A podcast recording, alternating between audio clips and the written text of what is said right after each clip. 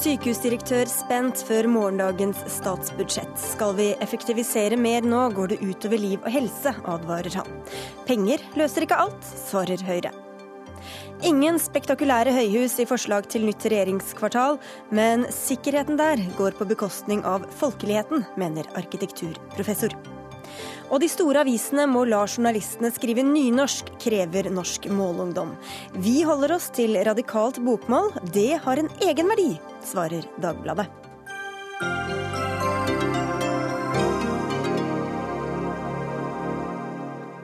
De store avis... Nei, unnskyld, vel møtt til eh, Dagsnytt 18 på NRK P2 og NRK2, hvor vi også skal avlegge de konservative i Storbritannia en visitt og en analyse. I studio denne tirsdagen, Sigrid Solund. Millioner av kroner i uforutsette kostnader til ny medisin mot brystkreft.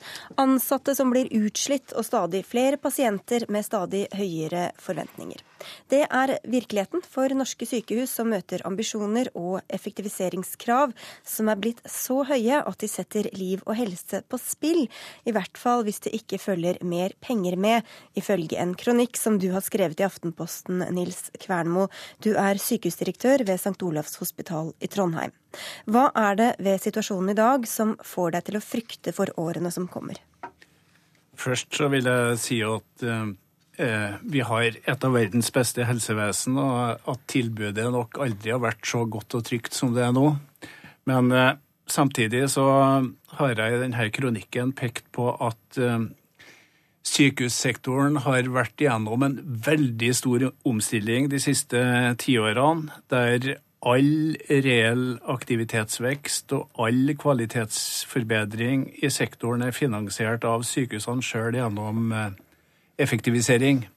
Så det jeg reiser eh, ønsker å reise en diskusjon om i denne kronikken, det er kan eh, denne resepten brukes videre når eh, samtidig ambisjonsnivået for hva vi skal levere til pasientene, altså kravet til aktivitet, øker enda mer. Mm. Ja, for Du skriver at det er på tide å spørre om det er samsvar da mellom dette ambisjonsnivået og viljen til å betale. Er det da ambisjonsnivået som er for høyt, eller er det pengene som er for få? Ja, det er et politisk spørsmål og en diskusjon som vi må reise. Det som, eh, det som jeg ser, er at hvis eh, innholdet i statsbudsjettet for 2016 blir sånn som vi har lagt til grunn når vi har starta budsjettarbeidet på St. Olavs hospital, så er rammebetingelsen at vi kommer til å ha en budsjettramme som er kronemessig omtrent akkurat likens som den vi har i år. Og eh, for å svare på eh, de kvalitetskravene, de økte kvalitetskravene som, eh, som går på kortere ventetid, flere pasientrettigheter, eh, dyre medisiner, ta i bruk ny teknologi, så vet vi at vi må øke aktiviteten kanskje enda mer enn vi har gjort før, eh, uten at vi får noe eh, økning i eh, rammer. Og det betyr jo at eh, det er de ansatte på sykehusene som er nødt til å eh, jobbe mer effektivt, rett og slett. Det er vel ikke nødvendigvis noe negativt, eh, eller? Nei da, det det er jo det vi har gjort de siste ti årene. Men hvem er det som da kommer til å merke dette gapet som du snakker om? Eh, det som er vår utfordring, er jo å klare å endre arbeidsprosesser, endre arbeidsmåter i takt med det her omstillingskravet. Det er i den grad du ikke makter det, at det her blir et problem. Og jeg skal være den første til å si at det fortsatt er omstillingspotensialet i norske sykehus, og vi er veldig villige til å jobbe med å ta det ut. Men eh, det som vi skal være klar over, er at vi for å kunne lykkes med omstilling i kompetanse- kunnskapsbedrifter som sykehus, så er vi avhengig av å ha med oss de ansatte. De er nødt til å være motivert, de er nødt til å være opplagt. Eh, er vi nødt til å, å, ha overskudd til å være med og finne løsninger. og Da tror jeg kanskje at vi, vi er nødt til å redusere Hvis ambisjonsnivået opprettholdes, så er vi nødt til å redusere omstillingskravet noe ved å tilføre noe mer penger. Det er altså stadig nye forventninger, nye krav eh, til sykehusene. Kristin Ørmen Johnsen, du sitter i helse- og omsorgskomiteen på Stortinget for Høyre, men følger det penger nok med? Ja, først vil jeg si at uh, Nils Kverno Kvernmo stiller mange gode spørsmål og reiser en, en god diskusjon. Og det er klart at det er utfordrende på norske sykehus i dag. Og vi har jo en ambisjon, denne regjeringen, med å få ventetidene ned og få behandlet flere. Eh, eh, han beskriver jo utviklingen i løpet av de siste ti årene. Og vi gikk jo til valg på pasientens helsevesen og ønsket å legge inn mer midler i uh, helseforetakene og sykehusene. Samtidig så har vi jo også da sagt at vi er også nødt til å ha reformer. Ja, Men er det da er det samsvar mellom de nye kravene og de nye forventningene og den pengesummen som følger med? Ja, det vil jeg si. Man kan jo alltid ønske seg mer penger. Nå får vi et statsbudsjett i morgen, men denne regjeringen har jo lagt inn mer penger unnskyld, men også har jo hatt en forventning om å få ventetidene ned. Og ventetidene har jo gått ned, særlig innen psykisk helse og rus, og også innen vanlig pasientbehandling. Men jeg vil jo si at det er ikke bare penger som er løsningen. Man må jo også se på andre måter å drive sykehuset på. Og reformer som eh, bl.a. fritt behandlingsvalg, som gjør at eh, psykisk syke og pasienter med rusbehandling også kan behandles utenfor det ordinære sykehus hos andre organisasjoner. Da. Men det er jo, han sier jo også at, skal, at de er, har omstilt seg veldig mye, og, og, at det er fortsatt potensial for effektivisering, men at nå begynner det å gå på helsa løs også nærmest for de ansatte. Torgeir Micaelsen, du sitter i samme komité for Arbeiderpartiet. Hvilken virkelighetsbeskrivelse stiller du deg bak? Jeg synes at, uh, jeg er enig med Kristin Ørmen Olsen at uh, Kvernmo er modig, og han starter en viktig debatt. Uh, jeg snakket med en kamerat av meg som var på, gjorde et mindre kirurgisk inngrep på et sykehus her på Østlandet for noen uker siden. og Da var han inn og ut i løpet av et par timer med full narkose og var ferdig i løpet av et par timer. og Han var én av fem pasienter som ble behandlet på den poliklinikken på én dag. For ti år siden tror jeg du hadde blitt lagt inn. Og Det viser vel at Eh, Kvernmo har helt rett at det har vært kontinuerlig omstilling og effektivisering eh, de siste ti årene. Eh, det tror jeg har vært helt nødvendig, og jeg tror ikke vi kommer unna at det skal fortsette i framtida. Men jeg må nok innrømme at jeg lenge, ikke lenge, i hvert fall en stund, når jeg ble politiker på Stortinget, levde i den litt villfarelsen at i sykehusene var det slik at du nesten kunne kaste på så mye penger du bare orket. Det hjalp liksom ikke, det var et bunnløst sluk. Men der har jeg forandret eh, mening. Ikke etter at jeg ble helsepolitiker i helsekomiteen, men etter å ha satt meg ordentlig inn i hva det egentlig krever oss for, altså, for, landet. Hvis vi mener alvor med dyre legemidler, mer avanserte behandlingsmetoder, eh, nye bygg og utstyr. Så jeg eh, er den første til å innrømme at det er et taktskifte på bevilgningssiden vi nå trenger, sammen med ytterligere omstilling.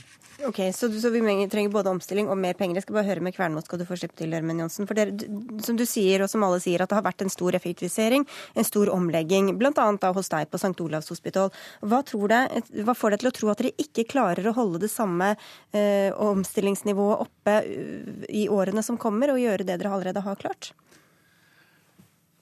Det er fordi at uh Eh, hvert års omstilling kommer på toppen av eh, de foregående års omstilling, sånn at eh, det blir vanskeligere år for år å klare å ta ut, ta ut omstilling i samme størrelsesorden. Og så er vi helt avhengig i, denne, i denne omstillingsprosessen å klare å ha med oss de ansatte i en i en uh, konstruktiv prosess der de er med og ser løsninger. Og uh, da er vi også nødt til å lytte på de signalene som kommer nå om at uh, det er behov for å dempe takten på dette her noe. Og det kan vi jo prinsipielt gjøre på enten ved å tilføre noe mer penger og opprettholde ambisjonsnivået, justere ambisjonsnivået, eller kanskje bli flinkere til å prioritere. Ja, for det Prioritering er jo et nøkkel, eh, nøkkelspørsmål her. Ørmen Johnsen. Har vi råd til å prioritere alt det som vi skal prioritere, som vi gjør i dag? Ja, det tror jeg. Og jeg mener at vi ikke skal senke ambisjonene i norsk helsevesen. Tvert imot skal vi heve det. Og vi må både gi mer penger, men vi må samtidig også omstille og tenke nytt. Når det gjelder dette med f.eks. medisinsk utstyr, så har jo vi nå åpnet for at man kan lease utstyr, altså leie utstyr, for det er et enormt etterslep på medisinsk-teknisk utstyr. Så vi må tenke samtidig nytt. Og det er jo veldig viktig å ha de ansatte med, med seg. Jeg har også møtt mange ansatte på sykehus som er motiverte og dedikerte, og kommer stadig med nye forslag på å jobbe annerledes, på å få mer strømlinjeformet behandling. Og der er jo eksempelvis pakkeforløpene på kreft en måte å organisere helsetjenesten slik nye, at den blir mer effektiv. Men det er også nye krav. Det er jo, altså effektivisering det er jo snakk om mennesker både som ansatte og som pasienter. Hvor, hvor, hvor mye kan man egentlig effektivisere den behandlinga og den omsorgen som skal gis? Altså, Omsorg har jeg ikke noe tro på kan effektiviseres. Men jeg tror at det eh, at pasienter går ut og inn av sykehus, det koster mye. Det koster tid for de på sykehuset, og det koster tid for pasienten. Det at man får til et helhetlig pasientløp fra pasienten går til primærlegen og til pasienten er skrevet ut, at man får strømlinjeformet og mer sømløst. Jeg har selv vært pasient og må sitte i timevis og vente.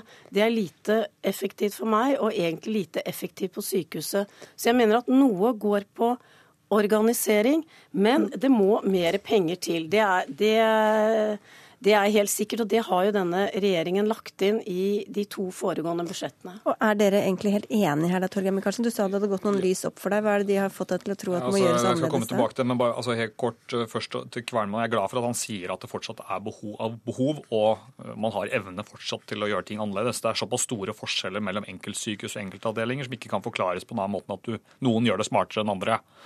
Men før denne stortingsperioden som vi nå er midt inne i, eh, så måtte vi gjøre opp status. Tenke hvordan er vi nå skal komme oss i en posisjon eh, hvor du eh, ja, har enkeltmedisiner, enkeltlegemidler, som kanskje koster tusenvis av kroner per pille. Og da er det i en situasjon hvor veldig mange ansatte har vært med på en stor omstilling over mange år, vanskelig å få folk med seg, slik Kvernmo sier på nytt til å si at vet du, nå kommer det så dyre legemidler at nå må dere løpe enda raskere eller gjøre ting enda raskere. Ja, for det går av det samme budsjettet? Absolutt, det går av det samme budsjettet. Derfor lovte vi før uh, dette stortingsvalget at denne altså budsjettperioden på fire år skulle budsjettene øke med 12 milliarder friske penger, som ville være en 50% vekst fra de foregående åtte årene. Det tok fem minutter, Kristin Hermin Johnsen, så var eh, din helseminister og partileder eh, Erna Solberg på tråden til NRK og sa at det støtta dere, og dere skulle matche det pluss litt til. Nå er dere to år ute i perioden, og dere ligger allerede 1 milliard kroner bak skjema. Så det er jo veldig spennende om du nå kunne hatt noen budsjettlekkasjer da, fra morgendagens budsjett. fordi det er til syvende og sist et spørsmål om hvor mye penger og ressurser av samfunnets samlede kake er vi villige til å putte inn i Kvernmo sykehus for å få bedre pasientbehandling. Og Det kommer vi helt sikkert tilbake til i morgen. Vi er tomme for tid, med mindre du har et, en sum å komme med, Kristin Hermen Johnsen? Det har jeg ikke, men jeg vil gjenta. Vi trenger både reformer i helsevesenet for pasientene, og vi trenger mer penger. Så får vi se hva fasiten blir i morgen, om du blir fornøyd, Nils Kvernmo. Takk for at du var med i Dagsnytt 18, og takk også til Kristin Hermen Johnsen og Torgeir Micaelsen. Dagsnytt 18 alle hverdager kl 18.00 på NRK P2 og NRK2. I dag kom vi et skritt nærmere et nytt regjeringskvartal. For i dag la Statsbygg fram planene for hvordan området kan se ut, med utgangspunkt i tegninger fra flere arkitektteam. Det er ikke tatt stilling til hvordan selve byggene skal utformes, men én ting er klart. Det blir ingen spektakulære høyhus. Høyblokka skal fortsatt ruve høyest. Direktør i Statsbygg, Harald Nikolaisen, kan du litt mer enn det jeg gjorde nå, skildre hvordan dette området skal se ut ut fra deres plan? Ja, det, det, vi ser i det forslaget, den anbefalinga vi har lagt fram i dag, det er at det er mulig å få plass til eh, de eh, regjeringsansatte og det arealet som de trenger innenfor det området som er tilgjengelig sør-øst for Ring 1, og i det området vi har i dag i regjeringskvartalet. Vi kan få en, eh, som vi ser det, en god struktur og en god innpassing i byen, samtidig som vi får et effektivt regjeringskvartal. Og dere legger litt mer under bakken i stedet for å bygge høyt? Ja, vi ser jo at det som, det er, det som ruver i bybildet, og det som det vil bli mangel på, er jo lyse arealet. Altså ikke sant, arealet for arbeidsplasser med vinduet. Vi har lagt noe mer areal under bakken, fellesarealet, den type ting. Og så har vi også gått noe ned på antall kvadrat per ansatte. Regjeringas beslutning var i, i, eh, mellom, i rommet 23 til 25 kvadrat per ansatt. Vi har lagt oss på 23. og Det er klart det gjør også at vi får litt mer rommelighet i byplanen. Og Hvordan skal sikkerheten, som jo er et nøkkelelement her, hvordan skal den skjerpes med deres planer? Sikkerhet er kanskje en av de viktigste driverne både for eh, arealbruk og for kostnad i dette prosjektet. Her har vi lagt oss på et sikkerhet som er innenfor de anbefalingene vi får eh, fra undergrupper fag, eh, fagfolk i arbeidet. Men det er også sånn at her er det politikerne som nå må beslutte utover høsten ambisjonsnivået. Men det som vi har gjort nå, er å, å prosjektere eller planlegge og trekke opp et regjeringskvartal som, som framstår som sikkert innenfor de faglige rådene vi har fått. Karl Otto Ellefsen, du er professor i urbanisme ved Arkitekthøgskolen og har sittet i evalueringskomiteen til dette prosjektet. Gågater, stengt for biltrafikk, senking av Ring 1 for å skjerpe sikkerheten. Hva syns du om det? Jo da, den, den, innstillingen som er lagt fram i dag, er jo ikke så veldig vesentlig forskjellig fra den evalueringsutvalget la fram. Men eh, i forhold til sikkerhet, som er en av de store problemstillingene her, så hadde jeg kanskje forventet at man hadde forsøkt å gjennomføre en diskusjon om differensiering av sikkerhet. For det er jo ikke slik at alle i regjeringskvartalet har behov for samme type sikkerhet. Og den diskusjonen av differensiering av sikkerhet er viktig, for den kan ha betydning for hele diskusjonen om graden av gjenbruk. F.eks. For forutsettes det her at hele, hele det som heter RFAM 5, som er den nyeste regjeringsbygningen langs Akersgata, blir fraflyttet. Jeg tror aldri den blir fraflyttet av eh, statsforvaltningen, for å si det på den måten. Men jeg, i det øyeblikk man begynner å differensiere sikkerhet kapasitetsbehovet ved de ulike funksjonene i regjeringsforvaltningen, så oppstår det en ny diskusjon om hvilke bygninger som er brukbare, og hvilke som ikke er brukbare. Men mener du at de tar for hardt i, da, eller? Nei, jeg mener at det man, det man, sier her, er jo, for å være litt sånn enkel og vulgær, så kan man si at alle har like stor behov for sikkerhet som statsministeren. Og det er jo ikke riktig. Er det sånn dere har tenkt? Ja, vi har lagt til grunn de sikkerhetsregimene som, som på en måte de sikkerhetsfaglige rådgiverne har gitt oss for hele regjeringskvartalet. Dette er en del av den diskusjonen som er en politisk diskusjon og som må på en måte avveies i forhold til eh, både åpenhet og kostnad i den prosessen som nå Kommunaldepartementet har hatt. Og, men det er en del andre momenter som, som gjør at eh, det kan være eh, fornuftig å samle også innenfor de områdene, altså ikke ta med R5. og Det har bl.a. med å få moderne, fleksible og effektive regjeringslokaler i framtida å gjøre. Så det henger ikke bare på sikkerhetsargumentasjon. Nå er det sikkert mange rundt i det ganske land som ikke ser for seg akkurat hvor R5 ligger og Akersgata og alt så videre. Men Agnes Moxnes, du er kulturkommentator her i NRK. Eh, hvilke følelser vekkes i deg når du ser det forslaget? Jeg var på pressekonferansen i dag da Statsbygg presenterte dette alternativet, eller anbefalte forslaget. Eh, og da brukte de ordet beskjedent. Og, og eh, jeg vil nok si at det dekker egentlig ganske godt. Altså, dette er jo en av de absolutt største byggeprosjektene vi skal ha i, i Norge på, på svært lang tid. Og, og, og, det som så ut i vår til å bli ganske spektakulært og iøynefallende bygg, er jo nå blitt eh, ja, ganske beskjedent og, og, nøkternt. Og samtidig tror jeg at det er eh, fullt mulig å like det ganske godt. Men er det, er det feigt som Nei, for dette handler vel egentlig litt om maktfordeling også, tenker jeg. At du kan ikke bygge et regjeringskvartal som slår knockout på et litt lite storting og et litt lite slott. Eh, så, så det er nok en realitetsorientering, vil jeg tro, fra, fra Statsbyggs side, dette her. Ellefsen, hvordan syns du det kommuniserer med alt rundt da, de planene som ligger der nå? Nei, jeg følger Moxnes i det hun sier om dette. Og jeg, tror det er, jeg tror at det er ganske lurt å tone ned byggene for statsforvaltningen. Men det er, et, det er et par ting som gjøres her som jeg synes er vanskelig. Og det ene er at i Altså I det forslaget som, de, som, egentlig de fleste av disse seks uh, teamene la frem, så er det, opprettet, er det arbeidet med en ganske stor og monumental regjeringspark, som på en måte skulle bli gi et slags offisielt preg over det hele.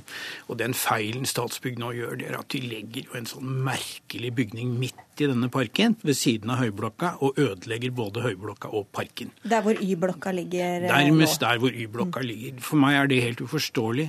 Og hvis det er plass man har behov for, så har det vært bedre å legge dette oppå de bygningene som, ligger, som de har foreslått lagt mellom, mellom Grubbegata og, og Møllergata. Ja, Y-blokka, hvis dere først skal rive den, hvorfor skal dere sette noe annet der i stedet for å ha denne parken? Ja, Det er flere grunner til det. Det ene er at Y-blokka må rives av, av sikkerhetsårsak, også for, gjøres, det, også for at vi skal kunne gjøre det som er nødvendig for å bygge og sikre Ring 1. Eh, vår vi er jo sånn sett kjent med Karl Otto sin, sin argument, og dette har jo vært diskutert uh, det siste året igjen. Intet nytt under solen? Nei, en åpen og veldig god offentlig debatt. Vi har likevel falt ned på at, uh, at vi ser, tror det er lurt å utnytte deler av det arealet til, til, kvadrat og et bygg. Vi tror det kan ha flere effekter. For det første så, så åpner det opp for en, god løsning i forhold til inn, adkomst og inngang til det nye kvartalet. Vi syns at det lager en interessant eh, front mot Akersgata, hvor du får de gamle historiske byggene fra 1906, 1958, og så et bygg som representerer vår tid på en rekke mot Akersgata. Og samtidig gjør det at vi kan få ned bygningene og gi hele kvartalet et lett lettere preg. Det er grunnen til at vi har falt ned på den løsningen. Den, dette, dette, er jo en diskusjon som også bringer meg over på et annet problemstilling. Dette, det er prosessen videre.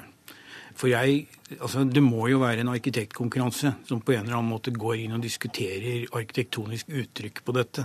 Og den arkitektkonkurransen er ikke avholdt enda.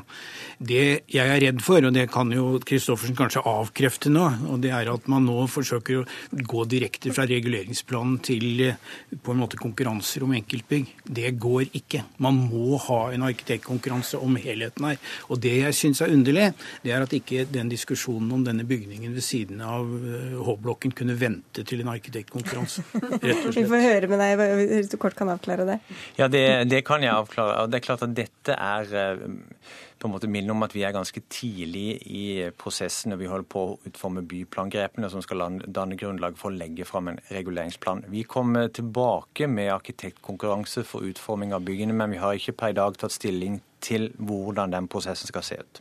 Hva tror du, Agnes Moxnes? Nei, Jeg merker meg at arkitekter litt, er litt uenige om det der, om, om, skal, om, det skal være en arkitektkonkurranse for hele området, eller om man skal gi oppgaven til omtrent hvert av disse kvart, småkvartalene som er inni. Og det blir, altså, Arkitekter er utrolig opptatt av regjeringskvartalet. Selvfølgelig er de det. Og, og det er nok e, ulike tradisjoner og ønsker for utviklingen av kvartalet som speiler det. Så det er jo en av de interessante debattene som, som kommer til å, å, komme i kjølvannet av, av det, den anbefalingen som kom i dag. Ja, Det er ikke så ofte man får anledning til å tegne et nytt eh, regjeringsbygg, Nei, det så det er jo ikke så rart at de er opptatt av det. Men, men nå er det jo opp til politikerne. Hvor nært det som ligger her, tror du Kommunaldepartementet kommer til å lande på? Sånn byplanmessig? Jeg tror at det er ganske nært. Eh, det er eh, stor enighet. altså Oslo kommune liker nok det forslaget som er lagt frem i dag. Riksantikvaren er glad for det. Eh, de politiske myndighetene, de ulike partiene, ligger liksom i de føringene som, som Statsbygg har forholdt seg til. Så, så jeg tror at vi ser iallfall konturene ganske tydelig av det som blir et, et regjeringskvartal om ca ca. ti år. Ja, det er det. Enda har vi noen år igjen. Takk skal dere ha, i hvert fall alle tre, for at dere kom til Dagsnytt 18.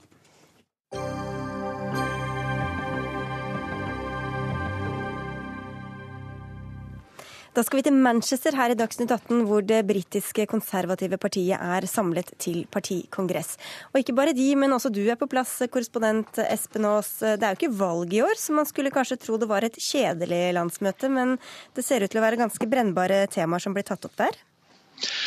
Favorittema til det konservative partiet, nemlig spørsmålet om fortsatt medlemskap i EU, summer i alle hjørner på partikongressen her, og ikke minst også i talene. Det er vel knapt noen tale som ikke har vært innom dette EU-spørsmålet på en eller annen måte. Det er sterke krefter innad i det konservative partiet som vil så inderlig at Storbritannia skal melde seg ut av EU, mens andre mener det ville være klokt å bli.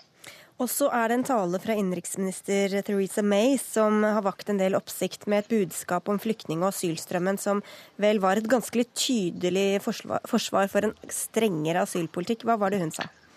En langt langt strengere asylpolitikk enn det Storbritannia har i dag. Hun gikk jo mer eller mindre til frontalangrep på den politikken som føres i EU, og sa at for Storbritannias del så ville det ikke være aktuelt å ha en slik politikk på tusener av år. Eh, og varslet også at hun ville stramme inn på studenter som er her og studerer. De drar ikke fort nok hjem igjen. Eh, og det er rett og slett for mange som eh, er ute etter en bedre økonomisk velstand, som først og fremst kommer hit. Tre fjerdedeler av asylsøkerne som kommer til Storbritannia er unge menn i 20-årene, sa May, og varslet om at hun vil ha noe helt annet eh, eh, enn det systemet som er i dag. Og Hvordan har reaksjonene på den talen vært? Det har gått litt begge veier. Mange her var veldig begeistret av de jeg snakket med etterpå, men jeg ser at flere næringslivsledere her i Storbritannia har kritisert talen. Flere andre partier har også kritisert det, og mener at hun demoniserer eh, flyktninger og for så vidt også innvandrere som kommer hit da fra EU, eh, ved å hevde at de kommer hit først og fremst for å berike seg, og ikke fordi de flykter fra noe. Kristina Soli, du er byrådssekretær for eh, Høyre i Oslo, og du har vært politisk rådgiver i House of Commons da for eh, konservative. Det er mange som mener at May var hard i retorikken. Hvorfor tror du de reaksjonene kommer? Uh, nei, jeg tror at uh, Theresa Mays tale var en, en, pitch for den hardere høyrefløyen i Conservative-partiet. Det har jo vært en velkjent hemmelighet at uh, Osborne og Cameron gjerne vil ha en reforhandlet avtale med EU, men ønsker å forbli i EU. Denne strategien har blitt litt ødelagt av flyktningkrisen i sommer. Og derfor så Det er mange som sier at Theresa May nå hadde en pitch for En pitch, altså hun måler uh... Nei, hun, hun nå snakket for høyresiden av mm. partiet, mm. som er euroskeptikere.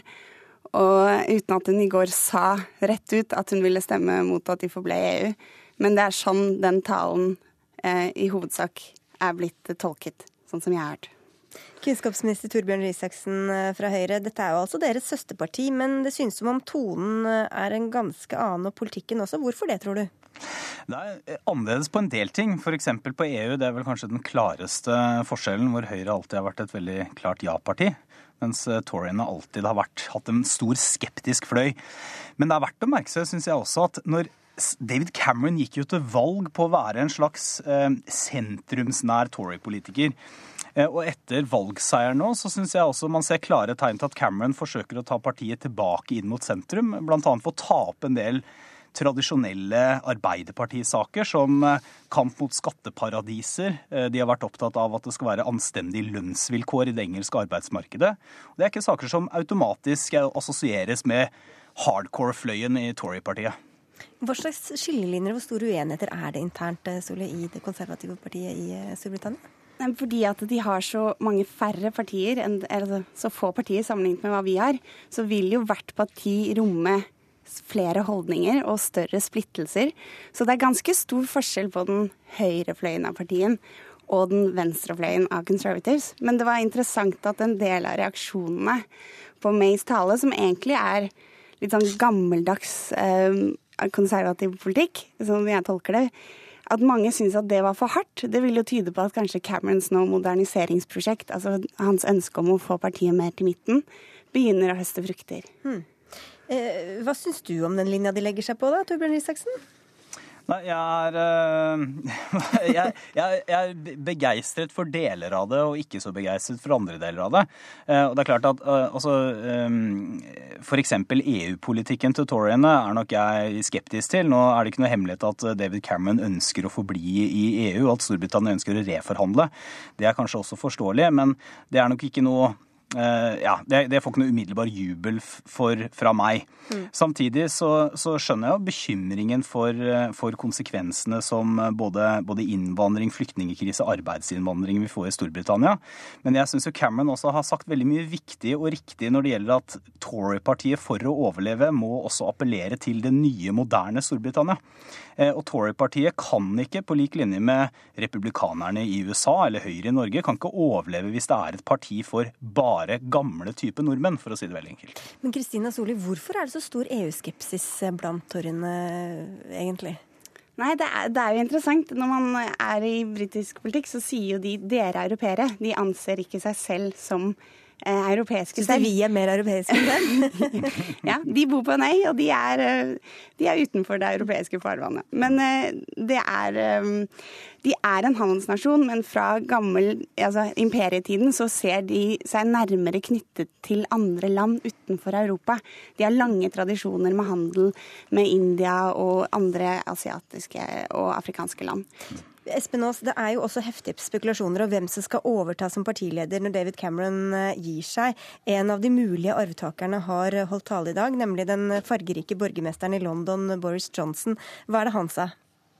Han holdt jo en av sine beste taler på lenge, vil jeg si. Bedre enn han gjorde her uh, i fjor. Uh, men også uh, Boris Johnson kom inn på, på EU-spørsmålet og, og, sa til Jean-Claude Juncker at det er ikke du som skal bestemme hvem som skal komme til landet, det er det vi som skal bestemme. Men holdt jo ellers et svare leven med den nye marxistiske, som han kalte ham, Labour-lederen, og storkose seg over det valget. Men fortsatte å gjøre det han er utrolig god på, nemlig nemlig skryte av Storbritannia som land, skryte av seg selv som borgermester av London, og skryte av det konservative partiets eh, økonomiske politikk. Det er jo De tre mest uh, trolige arvtakerne har jo vært på scenen her nå i de to siste dagene. Finansminister George Osborne i går, Boris Johnson og Theresa May i dag. Og alle har jo nå behov for å gjøre seg populære, fordi David Cameron sa før valget jeg skal ikke ha en tredje periode som statsminister, og på et eller annet tidspunkt så må en ny leder begynne å vise seg. Ja, eh, Soli, denne Boris Johnson altså, han skiller seg ganske ut fra det, vårt bilde av en strigla Torry. Hvorfor er han så populær, tror du? Nei, han, han, er jo litt løs kanon. Han sier det han mener. Og han klarte å vinne London tilbake etter uh, Ken Livingston var uh, ordfører. Det var en kjempe, kjempe Det var godt jobbet. Og han ble kjempepopulær blant spesielt unge uh, Tories. Men det er jo mange som sier at han ikke har det som skal til for å være partileder. Han er ikke samlende nok. Han er bra for London, en liberal, eh, stor by. Men som partileder vil han ikke strekke til. Så derfor Osborne er jo favoritt. Torbjørn Rysaksen, eh, Espen Aas nevnte Jeremy Corbyn, altså Labours nye radikale leder og Torrienes viktigste motstander. Hva tror du det ledervalget gjør med det britiske politiske landskapet? Det er jo et jordskjelv. Og det er, jo, det er, jo, det jeg skulle bare nevne med Boris Johnson, at det er jo mm. typer som Boris Johnson som har denne Han er jo en, har jo aristokratisk bakgrunn men, og er en, en høyt utdannet mann på eliteinstitusjoner i Storbritannia, men har allikevel denne rufsete, uvørende fremtoningen. Og Det er jo den type karakterer som gjør at britisk politikk er mer spennende å følge enn mange, politikken i mange andre land. Og så har du Jeremy Corbyn, da, som kommer inn. altså Han er jo det er jo som om Jeg vet nesten ikke hvem man skal ha tilsvarende i, i det norske Arbeiderpartiet. Men, som en men er veldig spent. Ja, men det er som en, en fra ytterfløyen i det mest radikale delen av fagforeningene som har vært utenfor makt og innflytelse i 20 år, plutselig skulle seile inn som ny leder av landets fremste opposisjonsparti og et tradisjonelt styringsparti. Altså Det er et politisk jordskjelv av dimensjoner, og i verste fall så setter de jo Labour-partiet tilbake til der de var på 1980-tallet, hvor de tapte valg på valg på valg mot Thatcher. I beste fall for Storbritannia og for Labour så er dette her et intermesso, altså en pause, en protest, før de går tilbake til normalen. Men da, Stoli, tror du at de ser på ham fra konservativ side som en gavepakke til, eh, til dem selv? Ja, det er mange i, i Conservative som ser på Corbyn som en gave. Og de har jo nå også begynt, sånn som Røe Isaksen nevnte, å snakke om veldig mange saker på eh, liksom erobre the common ground. Eh, Osborne har jo presentert dette Northern Powerhouse, for de ønsker å gå etter New Labour-velgerne der i Nord-England, som har vært et veldig svakt territorie historisk for Conservatives. Og i går også annonserte de at lord Adonis, som er en tidligere Labour-regjeringsmedlem, vil eh, lede en sånn infrastrukturgruppe for å passe på at eh, ja, at hele Storbritannia blir knyttet sammen med London. Mm, og Landsmøtet fortsetter i morgen, Espen Aas, når også Cameron skal tale, og du følger med? Absolutt. takk skal du ha, og tusen takk til Torbjørn Røe Isaksen og til Kristina Solli.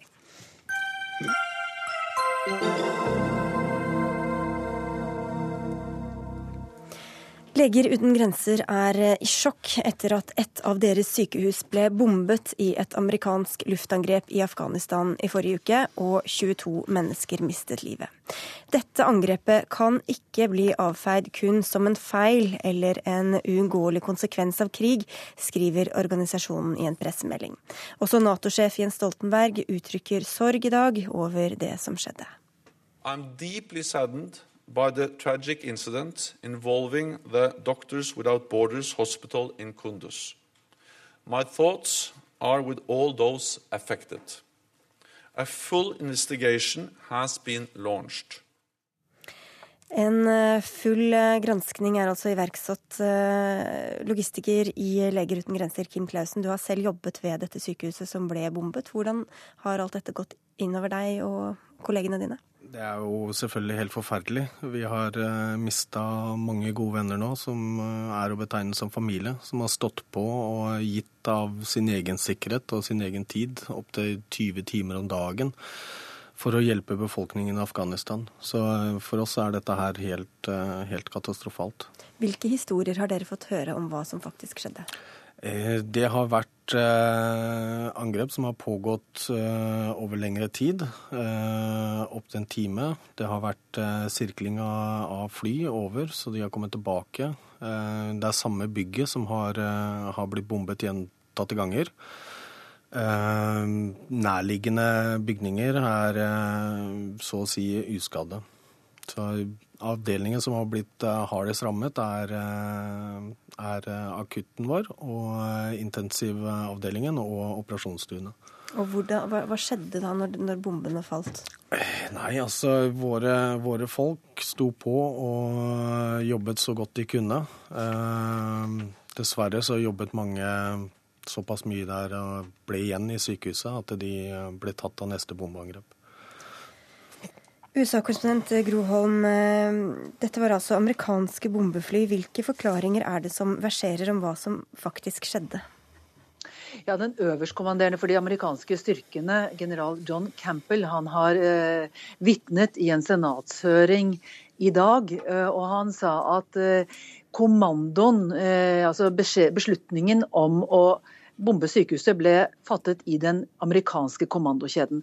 Han sa også at de hadde soldater på bakken i nærheten som han sa, av sykehuset, som eh, bekreftet eh, målet, altså sykehuset. Som, eh, og dette er helt vanlig prosedyre på amerikansk side, at man har soldater på bakken som deltar i målutvelgelse og målbekreftelse. For øvrig så ville han ikke gå i detalj og sa at han ville vente på den granskingen som USA selv gjør gjør. Det er jo én av tre pågående granskinger. Nato har sin egen, og eh, det, det afghanske forsvaret har sin egen. Mm. Dere snakker om at dette, eller mener at det er en krigsforbrytelse fra Leger uten grensers side? Altså hvis, hvis, det er et målrettet angrep mot et sykehus, et sykehus i en konfliktsone skal være et friområde. Eh, alle parter som er på sykehuset er enten hjelpearbeidere eller pasienter, og som pasient så er man ikke stridende i henhold til internasjonal humanitærrett. Eh, det som er viktig her, er det at det har vært så mye forskjellige versjoner nå, både fra USA og fra Afghanistan, at det må til en uavhengig etterforskning. Ikke etterforskning av de partene som faktisk har vært en del av dette, her, sånn, men en uavhengig etterforskning. For dette her kan ha implikasjoner for humanitært arbeid over hele verden i konfliktsoner, hvis ikke sykehus nå lenger er, er et eh, så trygt mål, trygt sted som mulig.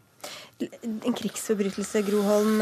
Hva kan skje hvis USA faktisk blir dømt for det? Hva er sannsynligheten for det? Det er få her borte som tror at det kommer til å skje. Det er en veldig høy terskel for å bli eh, dømt for krigsforbrytelser. Og eh, amerikanerne, og nå sist altså den øverstkommanderende eh, general John Campbell, han beklager jo og sier at dette var et, grå, dette var et alvorlig eh, feilgrep, og det skulle aldri ha skjedd. Og vi har aldri ment å ramme et sykehus, sier han, en, en medisinsk eh, installasjon, som han sier. Så det er vel snarere spørsmål om eh, hva som skjer internt på amerikansk side med de som var involvert i å gi ordren. Eh, det er som sagt en veldig høy terskel for å få stille noen for en krigsforbryterdomstol. og eh, Så vidt meg bekjent så er ingen amerikaner dømt for det i noen av de konfliktene som USA har vært involvert i etter krigen. Nå er, jo, nå er, det jo, også litt sånn uh, graverende at vi har senest nå 29. så ga vi GPS-koordinatene til alle parter, inkludert USA, inkludert Afghanistan. Jeg har selv vært med på i våres og kartlagt alle bygningene vi har inne. Det er et stort område dette her, med hovedbygningen i midten, som nå har blitt ramma av opptil flere bomber. Så dere føler dere sikre på at amerikanerne visste hva det var de bombet? Det, det er det vi gjerne vil ha klarhet ved en uh, uavhengig etterforskning. Så vi kan få alle fakta på bordet, for dette her vil berøre så mange. Ikke bare Leger uten grenser, men dette her vil berøre så mange mennesker. Men Hva er det amerikanerne har sagt at de trodde de uh, tok ut av Gro Holm? Nei, De har ikke sagt noe om det, og de viser bare til undersøkelsen. og Det skal jo også sies at i den amerikanske forsvarskomiteen, forsvarskomiteen i Senatet i, i, dag, så var det representanter som tok til orde for en uavhengig gransking. og En, en av senatorene nevnte FN, en FN-gransking som en uh, mulighet. Uh, det uh, ble da den øverstkommanderende presset litt på om han kunne tenke seg å støtte, og det ville, ikke, liksom, det ville, han ikke, svare på. Han viste bare til at det måtte staben hans eventuelt vurdere. Og han har ikke gitt noe mer svar på hva de trodde de var i ferd med å angripe, eller hva de trodde de angrep. Kim Klensen, til slutt her, Du sa jo at dette kunne få store konsekvenser på sikt. Hva, hva gjør det med deres arbeid nå i disse dagene og ukene? I, I, Kundus så er det nå ikke noe medisinsk eh, tilbud. Det er fremdeles harde kamper som pågår. Eh, konflikten har ikke stoppet opp for dette angrepet her. sånn. Og akkurat nå så er det mange timer til nærmeste sykehus. Man kan jo tenke seg hva det gjør når man er, eh, har krigsskader som skuddskader og, og bombeskader. Har man mange timer til neste sted, så sier det seg selv at uh, dødstallene kommer til, å, kommer til, å, stige betraktelig. Takk skal du ha for at du kom til Dagsnytt 18, Kim Clausen fra Leger uten grenser, og til Groholm fra USA. Hør Dagsnytt 18 når du vil. Radio NRK Radio.nrk.no.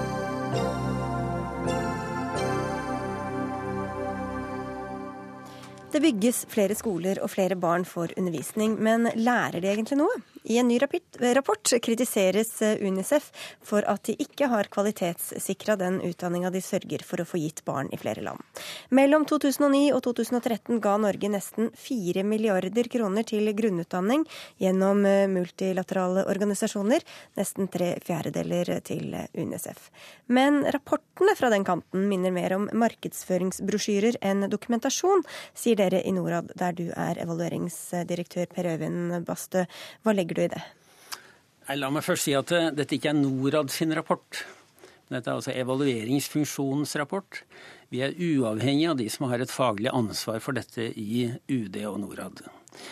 Ehm, denne rapporten den sier at eh, UNICEF og GPE, altså Global Partnership for Education, oppnår mye. Eh, de har fått mange barn inn i skolen. De har fått jenter i skolen, de har fått marginaliserte grupper inn i skolen. Men så sier de at det er store forbedringspotensialer når det gjelder å vite eh, eh, kvaliteten av den undervisningen som gis. Og det er der eh, det du refererer til, eh, eh, kommer, en, kommer ut som en kritikk mm. av mangelfull dokumentasjon og, og, og, rapportering. Så Vet vi at de ikke har gitt gode nok resultater, eller vet vi bare ikke om de er godt nok dokumentert, for å si det sånn? Ja, det varierer nok fra sted til sted. Eh, evalueringsteamet, altså det uavhengige evalueringsteamet, finner at eh, noen steder så har man oppmerksomhet på de tingene. Andre steder så har man eh, ikke en dokumentasjon, men oppmerksomhet på det. Så det varierer litt om det mangler kunnskap, eller om det mangler en, en orientering i den retningen. Merete Agbakk Jensen, du er kommunikasjonssjef i UNICEF Norge. Dere takker for kritikken, hørte vi i morges, og sier dere allerede har iverksatt tiltak for å forbedre dere. Hva er det dere har gjort? Vi har gjort en rekke grep eh, for dette. Vi ønsker alle sånne evalueringer velkommen. Det gjør oss eh, bedre i den jobben vi gjør hver eneste dag for å få flere barn eh, til å få en bedre skole, og dermed også en bedre fremtid. Så noe av det vi har gjort, er å øremerke et lederansvar på hovedkontoret vårt til kun rapportering. Eh, vi, har, vi, lærer opp 2000 mennesker nå hvert eneste år på intensiv trening i eh, særlig dette med dokumentasjon og analyse. Eh, og vi, vi har iverksatt en rekke andre tiltak. Og jeg må bare si at Jeg forstår veldig godt at norske myndigheter er opptatt av hvordan man bruker såpass mange penger. Nå reflekterer også dette området en tydelig prioritering fra norske myndigheter og den norske regjeringen med utdanning, og særlig jenters utdanning, som vi får mye ros for å ha gjort mye på gjennom disse årene. Og bare si at siden tusenårsmålene kom i år 2000, så har antall elever som aldri, eller antall barn som ikke går på skole, blitt halvert. Men ok, Så UNICEF har allerede gjort masse ting? Det er vel alt hunky-dory? det, det, kan godt hende. Har, Det er riktig at vi har sett, eller teamet har sett på perioden fram til 2013, hvor det er dokumentasjon. Eh, men jeg syns nok dette er verdt en debatt om hvordan man best eh, dokumenterer det langsiktige.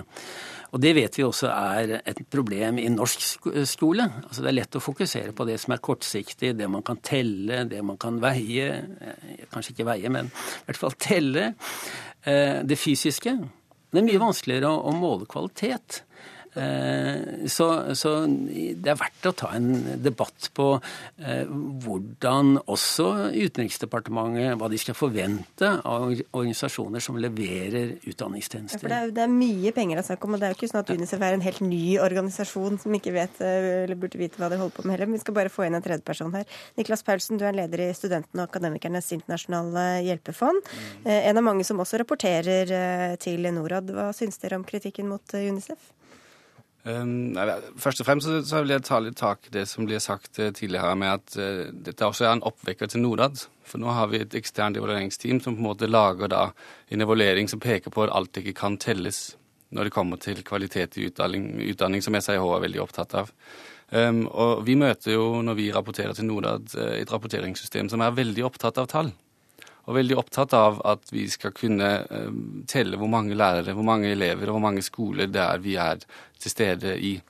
Um, men kvalitet i utdanning handler om så mye uh, mer enn det. Og SIH sitt motto, utdanning for frigjøring, går jo på at vi skal ha en morsmålsopplæring. Vi skal ha god kvalitet. Så du er litt engstelig for den veien Norad vil gå, da, eller? Altså, jeg tror Norad skjønner poenget nå. nå har vi fått nye bærekraftsmål. Eh, de tidlige bærekraftsmålene var veldig opptatt av det som Unicef da har rapportert litt dårlig på egentlig har oppnådd, å bygge skoler. Ikke sant? De var opptatt av å få skolene på plass, og så må vi da fylle de med, med innhold eh, på et senere tidspunkt. Nå har vi nye bærekraftsmål, og vi, vi er veldig eh, spente på å se hvordan Norad eh, tar, tar, til seg også den kritikken fra denne evalueringen som, som, går på at alt kan ikke telles når man driver med utdanningsbistand. Mm. Jeg må bare få si at eh, Disse nye bærekraftsmålene som ble omtalt her, så har jo UNICEF vært den største pådriveren for at nettopp læringsutbytte nå skal inn som et sentralt mål. Og Det er ikke sånn at vi bare har vært fokusert på å få barn inn i skolen. Vi har også vært opptatt av kvalitet. Eh, og det er ikke bra nok når det er sånn at 250 millioner barn her i verden eh, ikke har gode nok basisferdigheter etter at de går ut av fjerde klasse. Så det er vi opptatt av. Men samtidig så kan vi aldri glemme, må aldri miste fokus på de 124 millioner barn og unge i verden som faktisk er satt utenfor et skoletilbud. Og vi gir oss ikke før vi har fått det siste av disse barna inn på en skolebenk. Men så er det jo også spørsmål om hva de oppnår på den skolebenken. Det kan jo også være sånn at hvert enkelt barn får en god opplevelse og får utbytte av å sitte der, selv om ikke det kan måles på noe vis gjennom økt BNP f.eks. eller en eh, økt levestandard. Hvordan skal man egentlig regne dette? Det er et veldig godt spørsmål. Eh, og det er absolutt en fare, som SAIH sier, eh, at man går i en retning av at alt skal kunne rapporteres og måles. Eh, det mener ikke jeg, og heller ikke evalueringsavdelingen, at vi skal gå i den retningen. Vi må være varsomt med, med hva slags type rapportering vi pålegger våre partnere. Det er vel så viktig å vite om, om uh, utdanningen uh, er godt tilpasset den sammenhengen som den foregår innenfor. Det er helt annerledes å drive utdanning i i, på Haiti enn det er å, å, å drive i, et, i, i, Kenya eller et velfungerende annet afrikansk land. Eh, så her, her, er det Her må tilbakemeldingen skje fra flere kanter. Ikke bare de som er gode på å lage rapporter. Men, men, med alle disse usikkerhetsmomentene, når det er så enorme summer som det er snakk om, og det som går til noen, betyr at noen andre ikke får, hvordan skal vi da vite at alle de pengene vi gir, faktisk er, er der hvor det er mest til nytte? Ja, Det er eh, Utviklingspolitikk er en risky business, eh, så vi kan nok ikke vite det fullt ut. Men vi må prøve å kunne eh, sannsynliggjøre at det er en sammenheng mellom de pengene vi bruker, de tiltakene vi støtter, og det vi får av resultater. Og der må vi kreve noe av UNICEF, vi må kreve noe av SAIH, at de kan overbevise Utenriksdepartementet om at de er fornuftige kanaler for denne type støtte. Og ikke bare gjennom glansede rapporter. Mm. Og det, og det, det, er, det, er, kjempeviktig, og, og er, det, er, noe med at eh, vi kan ikke bare være fokusert på kortsiktige resultater. Hvis du skal få til en god skole, så må du faktisk tenke langsiktig. Det gjør vi også her i Norge. Um, vi, vi, kan også se på hvordan vi prøver å heve kvaliteten i Norge med, med, uh, med nasjonale prøver hvor, hvor, ting skal tallfestes, og vi, vi, lykkes ikke helt. Så det, er også viktig å, å skjønne at det er akkurat samme situasjon i andre land som vi har i Norge. Og, og når, eh, når liksom vi skal drive med landkonsentrasjon, vi skal ha færre land vi skal drive med bistand i, og vi skal drive med kortsiktige prosjekt, så, så går det på bekostning av kvaliteten av den bistanden vi driver med. altså. Nå bare kom jeg på at du er gammel Høyre-politiker, om det er sånne PISA-tester du vil ha inn i, i, disse skolene? Nei, det har ikke så mye med, med saken å gjøre, egentlig. da. Men uh, som sagt, vi er også opptatt av kvalitet. Uh, men vi er også opptatt av at uh, barn har en grunnleggende rett til å faktisk få lov å gå på skole, og den må de få oppfylt. Jeg la merke til på lanseringen av den rapporten i dag, så var jo faktisk UD også litt kritisk til at rapporten delvis kritiserer, altså skyter litt på pianisten. Fordi i de landene vi jobber, så må man også stille klare krav til myndighetene i det aktuelle landet. Det er jo ikke sånn at UNICEF kan holdes til ansvar for eh, en hel utvikling i et helt land når det gjelder utdanning. Vi gjør vår del av jobben. Eh, men så må man også sørge for at myndighetene lokalt da eh, både prioriterer skole eh, økonomisk og innholdsmessig. Men man har kanskje et ansvar for å ha godt samarbeid med myndighetene før man begynner med utdanningsbistanden sin. Og der tror jeg UNICEF kan lære noe. Da må vi bare si at Utenriksdepartementet sier til NRK at de jobber målrettet med denne typen evalueringer for å forbedre bistanden, bl.a. gjennom en tett dialog med UNICEF. Og så får vi takke av dere tre, Per Øyvind Baste fra Norad, Merete Agbakk Jensen fra UNICEF og Niklas Paulsen fra SAIH. Takk.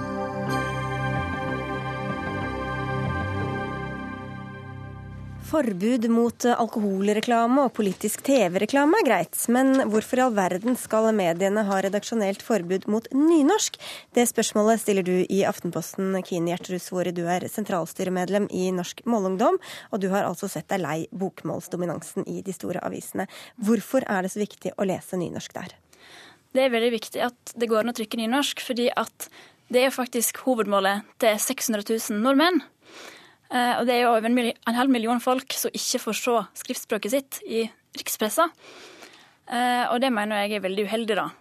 Både med tanke på det å kunne lese det og bli bedre i sitt eget mål, men òg det med identitet og selvkjensle. Hva slags signal sender det store media når de ikke trykker et offisielt skriftspråk? Ja, hva slags signaler er det dere sender, Geir Amnifeld, du er kulturredaktør i Dagbladet? Det er jo et mangfold av uh, aviser i Norge, og vi er uh, en av dem. Det er jo ikke ulovlig å trykke nynorsk i Dagbladet, må jeg si det først. Jeg kan komme tilbake til det. Men det er helt naturlig for en, en riksavis som har, historisk sett i hvert fall, hovedstadsområdet som hovednedslagsfelt. Så Eh, å velge bokmål. Eh, og eh, på samme måte som en forfatter velger et skriftspråk, så kan også en avis gjøre det og ha det som sitt utgangspunkt. Nå er det jo sånn at det er mange andre aviser, både lokalaviser og også en del andre, altså Klassekampen, Bergens Tidende osv., som, som skriver både på bokmål og på nynorsk. Hvorfor må absolutt også VG og Dagbladet og Aftenposten gjøre det? Fordi at VG og Dagbladet det er jo de to største riksavisene. Og det er de to største avisene både i bokmålsområdet og i nynorskområdet. Eh, og nettopp Derfor er det så viktig at nettopp de avisene faktisk tar det samfunnsansvaret de har som de største avisene, og skriver på begge skriftspråkene, ikke bare bruker bokmål. Det er mange som eh, omtaler blant bokmålsbrukere nynorsk som litt sånn traurig og noe de ikke har lyst til å forholde seg til. Hva tror du det at man kunne lese i Dagbladet hadde gjort med den holdningen? Eh, nei, dette henger jo en del sammen med sidemålsdebatten. Um, og sidemålsundervisning og sidemålsdebatt er jo en annen debatt. Men hvis en kan ha bedre simonsundervisning, og en kan ha nynorsk i riksmedia, så vil jo det skape en mye bedre sirkel enn det vi har i dag. For slik det er nå, så liker en ikke nynorsk fordi en ikke kan det så godt. Eh, og når en ikke kan det så godt, så blir det vanskelig, så blir det vanskelig, og så har en ikke lært det. Og så blir det en voldsom sånn ildfloke å løse opp. Og da er det veldig greit tiltak å skrive nynorsk i VG og Dagbladet og oppløse denne floken, da. Og dere har jo nynorsk på spaltistplast og debattplast, som du sier. Geir Ja, det er jo nettopp uh, mitt poeng. Det er at uh, altså, nynorsk er jo ikke ulovlig i Dagbladet. Vi er jo ikke mer katolske enn paven. Vi har uh, regelmessige spaltister som skriver på nynorsk hos oss, så, så jeg kan nevne flere. Andreas Humpland skriver hver eneste fredag. Agnes Ravatn henger på veggen her, så jeg er utklipp av henne. Hun skriver regelmessig i Dagbladet på lørdager. Det var to. Har du mange flere? Det var to, eller? ja, jeg har flere. Vi har dykket fram. Eh, Olaug Nilsen har skrevet masse i Dagbladet. Det samme har Frode, Frode Grytten gjort. Eh, Jon Hustad til og med hadde essay på trykk i Men, sommer men ingen på av journalistene får nynorsk. skrive det. Hvorfor ikke? Nei, det er fordi um, vi mener at eh, det å uh, ha eh, en, et skriftmål å holde seg til, det er en helt naturlig ting for en avis eh, som eh, skal dyrke et språk internt i redaksjonen også. Det handler jo om skrivekunst for oss også. Det krever jo oppfølging fra vår, fra vår kant og fra ledere og redaktører å å røkte språket. Og det, vi har jo vår fulle hyre med å røkte det det radikale bokmålet som vi praktiserer i Dagbladet, og som også skiller oss fra, fra konkurrentene våre. Det At vi har gode, nok i nynorsk, rett og slett? Dere som jobber der? Eh, Jeg vil vel si at eh, det at vi har valgt eh, radikal bokmål, er også en del av vår identitet. Det er knyttet opp mot formålsparagrafen vår, for, mm, knyttet opp mot vår historiske utgangspunkt som avis. Og hvorfor ikke da rendyrke det? Nei, Det jeg lurer på nå, er jo om det tykker det er ryddigere og mer stovrent å trykke aviser på ett skriftspråk enn det å vise omsyn til over en halv million språkbrukere. Hvordan kan det forsvare at det er stovrent? Nei, men det er jo flere andre aviser som eh, skriver på nynorsk som, eh, som f.eks. ikke tillater da bokmålsjournalister og, og folk å praktisere bokmål i spaltene. Så dette er jo bare ulike forretningsmodeller, ulike måter, ulike kulturer i ulike aviser.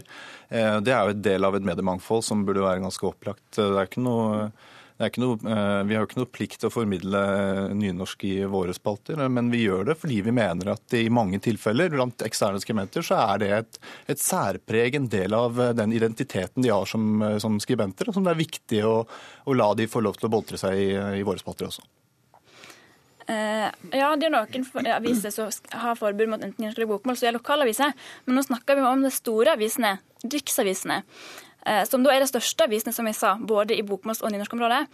Eh, og da er det jo veldig moralsk ansvar å trygge nynorskbrukerne, eh, at de skal få føle at sin identitet òg er noe verdt. Eh, Så Derfor er det jo fryktelig viktig at det tillater òg journalister å skrive på nynorsk. For vi som er nynorskbrukere, vi vil jo gjerne lese nyhetene på vårt eget språk. Det er jo en veldig stor del av oss. Språk er ikke bare kommunikasjon. Språk er fryktelig mye identitet. Men vil du da ha en egen kvote? NRK har jo en nynorskkvote på 25 Eh, Foreslår du noe tilsvarende for VG og Dagbladet, eller? Ja, det er jo en veldig god idé. Eh, så, altså, så lenge språket blir brukt, så hjelper det jo. Og det at det har spaltister og sånt som skriver nynorsk, selvsagt hjelper det. Men jeg mener at det er ikke nok. Eh, 25% nynorsk i NRK er heller ikke nok. For selv om, ja, bokmål er mye større enn nynorsk, det er greit, slik er det. Men både nynorskbrukere og bokmålsbrukere har 100% behov for å møte sitt språk. Det er ikke slik at når det er en 10% nynorskbrukere, så har de 10% behov for å møte sitt språk. Det er derfor jeg mener det er så utrolig viktig at begge språkene kan få plass, òg i store medium. Og noen gjør jo det, Geir Amnefjell, men eh, dere tviholder altså på denne gamle modellen. Ja, altså hvis det er noe som, eh, hvis det er noen bevegelser, hvis det er noen vikende front på dette, på dette området, så er det vel kanskje Altså vi ser jo det er en eh, stor økning i, eh, i eh, eksterne bidrag i avisene. Eh, vi har nok mer nynorsk på trykk nå enn det vi hadde før. og eh, I mange tilfeller så er jo skriftspråket nært knyttet opp til til skribentens identitet. Og skulle vi f.eks. ansatt en fast uh, gitt Agnes Ravast en fast ansettelse i Dagbladet, så ville det vært veldig merkelig å, å tvinge henne til å skrive på bokmål. Dere har jo en politisk redaktørstilling stående åpen, så vi kan jo Ja, vi får se. og vi får se. Takk skal dere ha i hvert fall begge to for at dere kom til Dagsnytt 18, Geir Ramnefjell fra Dagbladet og Kine Gjertrud Svåri fra Norsk Målungdom. Dagsnytt 18 er ved veis ende. Dag Dørum, Hilde Tosterud og jeg, Sigrid Solund, var ansvarlig for den.